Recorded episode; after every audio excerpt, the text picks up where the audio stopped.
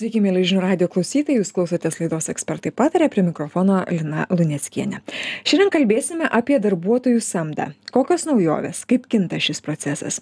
Pasauliniai tyrimai rodo kad penkiasdešim šeši procentai kandidatų šiandien kandidatuoja į pozicijas ne pagal savo tiesiogines darbines kompetencijas. Todėl žmogiškųjų išteklių ekspertai sako kad už karjeros faktus šiandien turėtų būti a svarbesnis kandidato potencialo įvertinimas. Tad šiandien jau turime situaciją kai atsirinkti darbuotoją įmonėms padeda psichologai. Kada ir kaip samdant darbuotoją prireikia būtent psichologo pagalbos. Malonu pristatyt laidos pašnekovę. Šiandien studijoje vieši psichologė psichoterapeutė personalo valdymo ekspertė deimantė mikalauskė. Sveiki gerbiama deimante sveiki lina. Gal pradėkim nuo to bendro tokio vaizdo kaip kinta darbuotojų samda šiandien. A kas kas yra svarbu kas ne taip svarbu. Kaip kaip pakitęs procesas nuo to kokį mes na laikom galbūt klasikiniu ar ne? Tai jūsų įžvalgos klausom įdėmiai iš tikrųjų man visą laiką kyla klausimas o kada ta rinka taip smarkiai pasikeis? Ir tiek ir personalo specialistai tiek ir vadovai labai laukia nu kažkokio įvykio rinkoj kada čia tų kandidatų pabirs daugiau o personalo atrankų specialistai vis grįžta ir grįžta pas vadovus sakydami nėra kandidatų nepakanka kandidatų neturim iš ko rinktis arba nenorim iš vieno kandidato rinktis turim pratęsti paieškas. Ir nors ir stebėjom tiek ir įvairias pasaulines perturbacijas kurios vyko iki šios dienos taipogi geopolitinės situacijos pasikeitimus kurios ir vėlgi galėjo įtakoti kandidatų elgseną na ir padidinti tarsi jų kiekį rinkoj personalo specialistai vis tiktai stebi na kad tas pokytis nors ir vyksta tačiau jisai iš esmės neišsprendžia kandidatų trūkumo problemos bent jau iki šios dienos. Tad natūralu kad atėjo laikas turbūt atrasti būdą tai kaip prisitraukti tą tinkamą žmogų toj situacijoj kai tų tinkamų nėra prūdais kaip mano kolegė mėgsta sakyti. Prūdai tai čionais tvenkiniai taip. jeigu taip jau išvertus į taip taip taip. į norminę kalbą taip. Mhm. ir ir ir čia tada ir atsiranda turbūt galvos skausmas tiek ir vadovams tiek ir personalo specialistams ar vat būtent tiem psichologams organizacijose bedirbantiems kurie turi surasti sprendimo būdą. Ir iš tiesų mes šiemet e, ypatingai daug kalbam apie tai kad greičiausiai ilgainiui renkantis kandidatą tas klasikinis cv jau nebebus reikalingas. Gyvenimo aprašymas Mhm. tokį kiek kokį mes esam įpratę rašyt jisai jau nebetenka kažkokios tokios svarbos ir reikšmės. Taip išeina šiame procese. Mhm. visiškai visiškai o tai visiškai gerai o tai kas keičia jį tada o jį keičia būtent kandidato turimas potencialas ir unikalių savybių ir gebėjimų rinkinys. Nes išties ne vienas mokslinis tyrimas dabar pastebi kad egzistuoja tam tikros būtent unikalios savybės kurių kurios yra reikalingos skirtingoms pozicijoms atlikti. Kaip kad pavyzdžiui viena populiariausių jų yra analitinis mąstymas. Kandidatai turintys puikius analitinius gebėjimus jie iš esmės yra pritaiko pritaikomi daugelyje skirtingų pozicijų. Aišku vadovams investavus į tą techninį apmokymą. Tai jeigu cv būtent daugiau ir kalbėjo apie tuos praeities na darbus pasiekimus išmokimus įgūdžius ir panašiai tai dabar mes siekiam atrasti būdą kaip įvertinti o koks yra žmogaus potencialas būtent sukurti tokią pačią vertę organizacijai neturint analogiškos patirties. Tai dabar deimante aš noriu pasitikslinti. Jeigu mes dingsta cv Mhm. Toks kaip gyvenimo aprašymas toksai kaip kaip jis kaip mes įpratę jį tai tiesiog pamatau skelbimą man jis Mhm. patinka imu telefoną skambinu ir sakau žiūrėkit nesiųsiu aš jum jokio cv tinkamas Mhm. ir jūs mane jau ten matuojat pagal savo visus kažkokius kriterijus standartus Mhm. Tai galim prognozuot kad toksai scenarijus galim prognozuoti ir netgi yra į rinką pabandžiusių išeiti e, sakykim e, organizacijų kurios tarsi ir pabandė propaguoti tokį no cv ar ne vadinamą formatą. Tiesa jis tikrai žengia dar tiktai pirmuosius žingsnius rinkoj ir gal šiai dienai tą klasikinį cv labiau yra pakeitęs linkedin profilis kurį neretai kandidatai atsiunčia tiesiog laiške nuorodos pavidalu. Ten galit susirasti visą informaciją apie mane ir pasižiūrėti. Ir cv pats formatas nors ir egzistuoja jis irgi yra ge gerokai pakitęs. Ir pavyzdžiui karjeros konsultacijų kontekste mes siekiam išmokyti tuos būsimuosius rinkos kandidatus ne nerašinėti ten po vieną atsakomybę ką aš darau buhalterio pozicijoj nes na samdančiam vadovam aišku ką buhalteris atlieka kiekvieną dieną bet būtent parodyti savo e, kompetencijas ir ir gebėjimus kaip kad pavyzdys per rezultatyvumo įrodymus. Pavyzdžiui skiltyje rezultatai. Aš ne tiktai vedu apskaitą bet ir pavyzdžiui pakeičiau apskaitos sistemą organizacijoj subūriau ten nežinau dešimties žmonių komandą iš kurių ten du tapo vyresniaisiais e, buhalteriais organizacijoj ten sutvarkiau kokį nors sąskaitų planą ir panašiai. Ir tai tikrai pateikia daug daugiau įrodymų apie žmogaus kompetencijas negu vien tiktai na la lakoniškas atsakomybių sąrašas.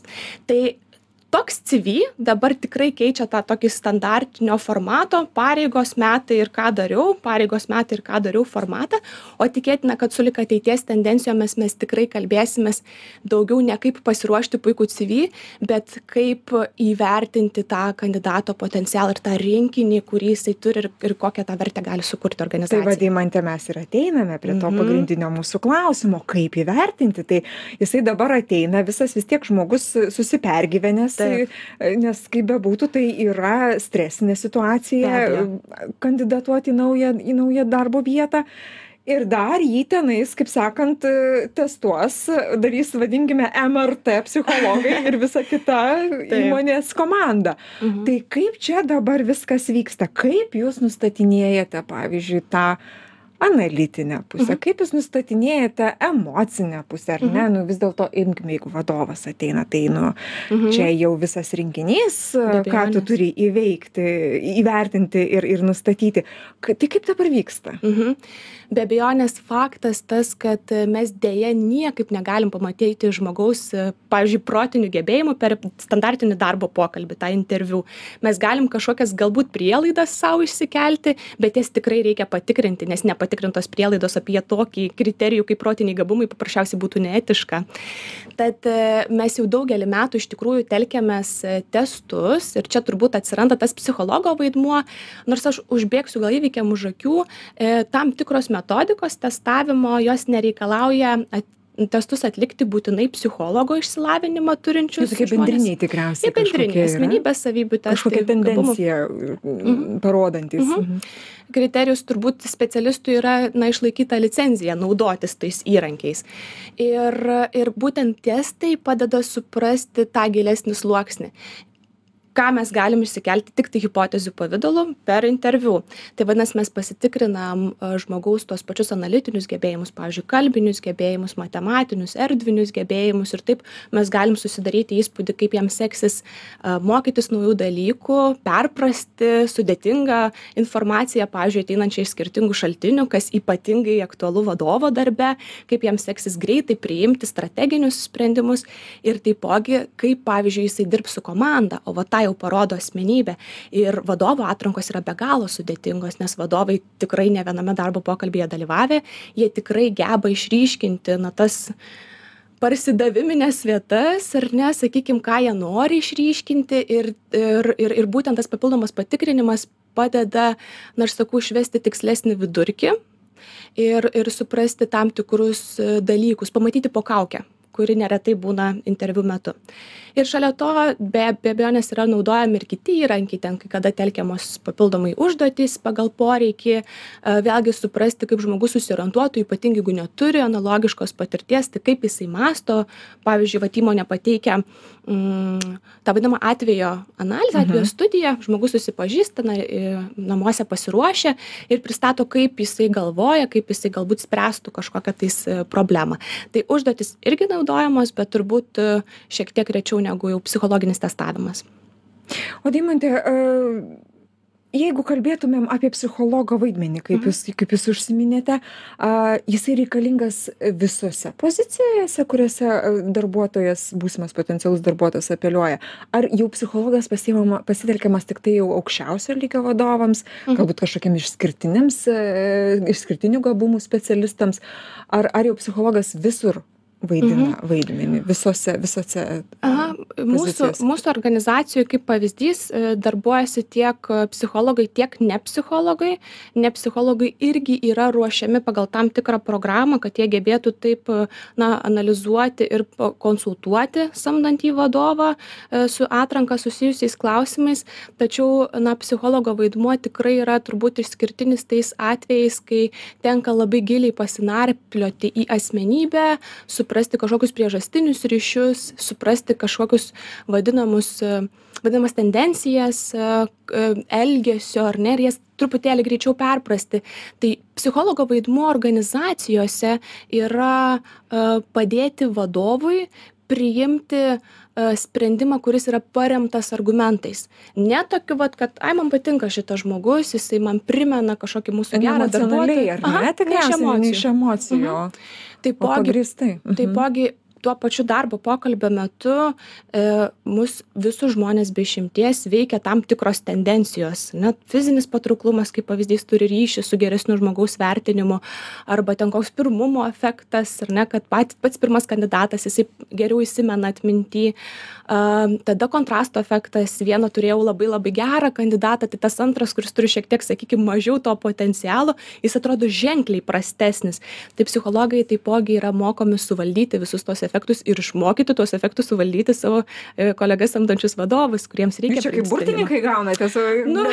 šitoje vietoje, nes iš tiesų tai pažinti žmogų iš, iš kelių susitikimų, taip kaip jūs ir sakėt, Mhm. tendencijas gali įvertinti, bet tikriausiai būna atveju, kai atrodė idealus kandidatas, idealiai Mhm. atliko užduotis, pradėjo dirbti ir žiūri visas idealas išgaruoja, ar Taip, ne? Taip, Ar taip. dažnai tokiu atveju būna? Mhm.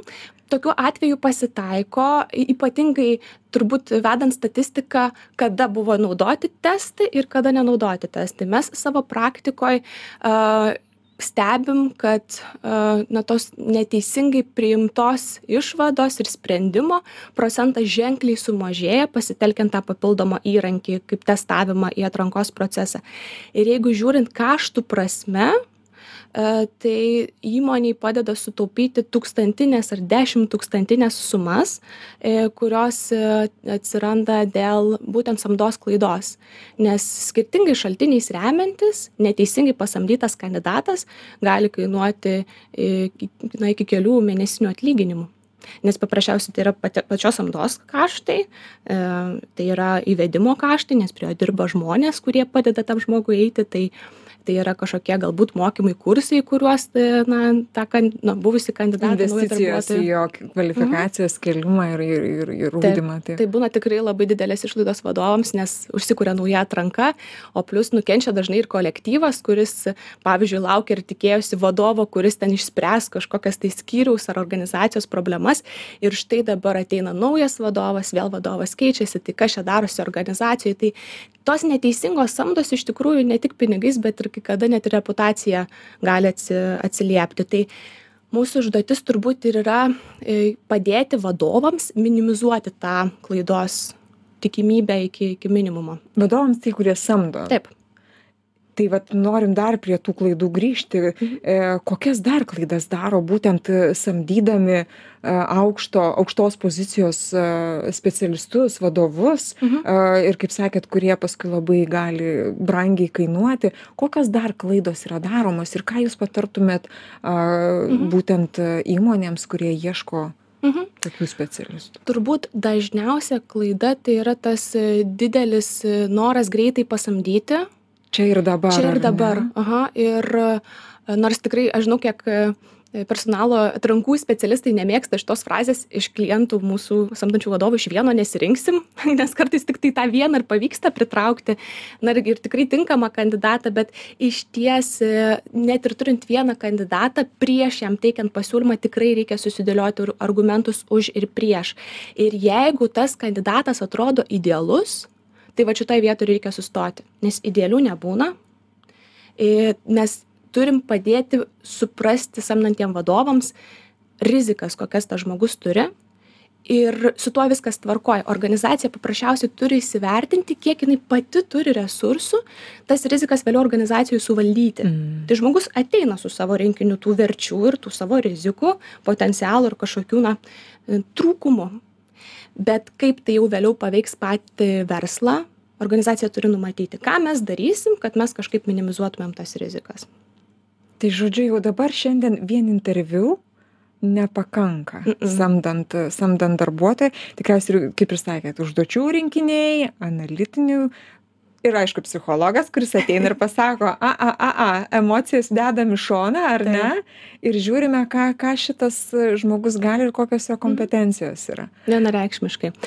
Žinau tikrai atvejų kai rinkoj yra pavyzdžiui stebima kandidato kūno kalba ten per interviu ir ten irgi psichologai tarsi tame vaidina e, vaidmenį. Tai kūno kalba yra toks kaip dalykas kurį kurį žinau kad ir ir studijuoja ir mokosi ar ne kai kurie specialistai. Tačiau deja tai nėra pakankamai pagrįstas metodas iš kurio mes galėtumėm priimti jau patikimą sprendimą. Ir aš iš tikrųjų esu dalinusis tokiom interviu siaubo istorijomis kurių kurias parinkau ne per seniausiai ten interneto pra pra platybėse ir taip ir asmeninėj praktikoj. Tai siaubo istorijos atsiprašau jūs turite omeny iš kandidatų iš kandidatų Mhm. Ir, ir viena istorija būtent apie tą kūno kalbą, kad kandidatas ištisai čiupinėjo nosį interviu metu. Ir samdantysis vadovas buvo labai suabejojęs, kaip čia yra su tuo melavimu, nes tarsi tas nosies čiupinėjimas turi sąsąją su melavimu.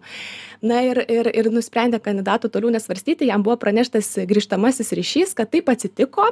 Ir grįžtamą ryšį mes irgi stengiamės kandidatams kiek įmanoma pranešti, na, aišku, Korektiškiau, korektiškiau, bet ir tuo pat metu, na, paaiškinant tam tikras Suprantama, priežastis, mhm. suprantamai, kad, kad, na, tam tikras elgesys interviu metu sukėlė abejonių ir nebuvo stebima ten kūno kalba ir panašiai.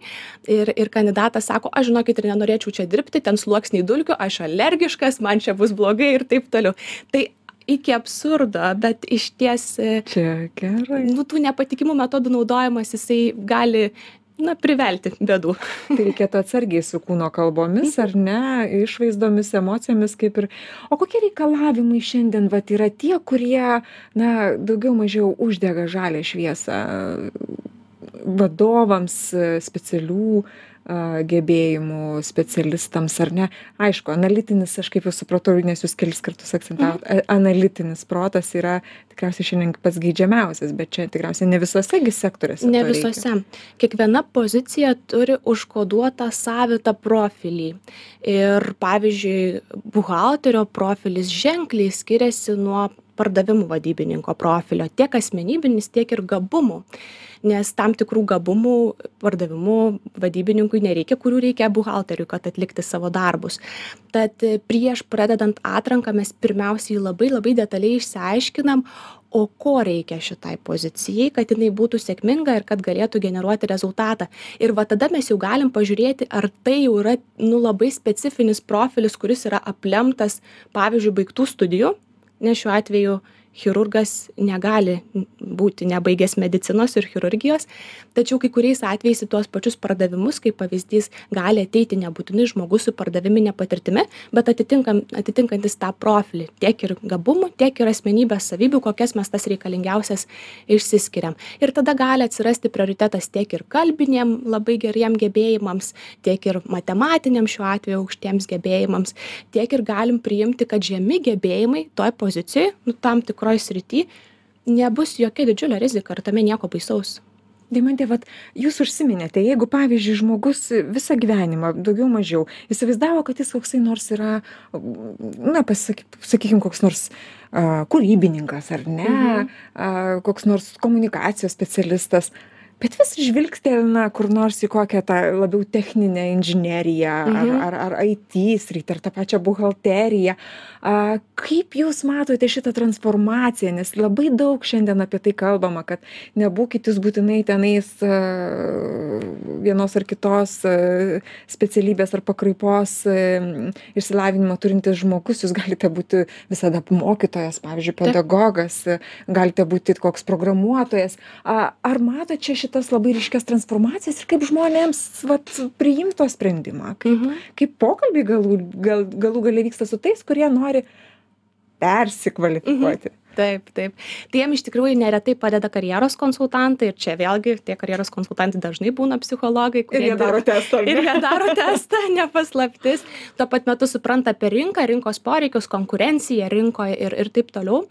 E, tai žmogui kuris turi noro ir nori suprasti ar tas noras kažkuom pagristas tikrai gali praversti būtent ta konsultacija ir tas pats testo atlikimas e, taip susiorientuoti ar aš turiu pakankamai potencialo. Bet dažnai jeigu žmogus jaučia kad kažkas kirba traukia tai gali būti indikacija kad kad yra kažkur tas potencialas užslėptas.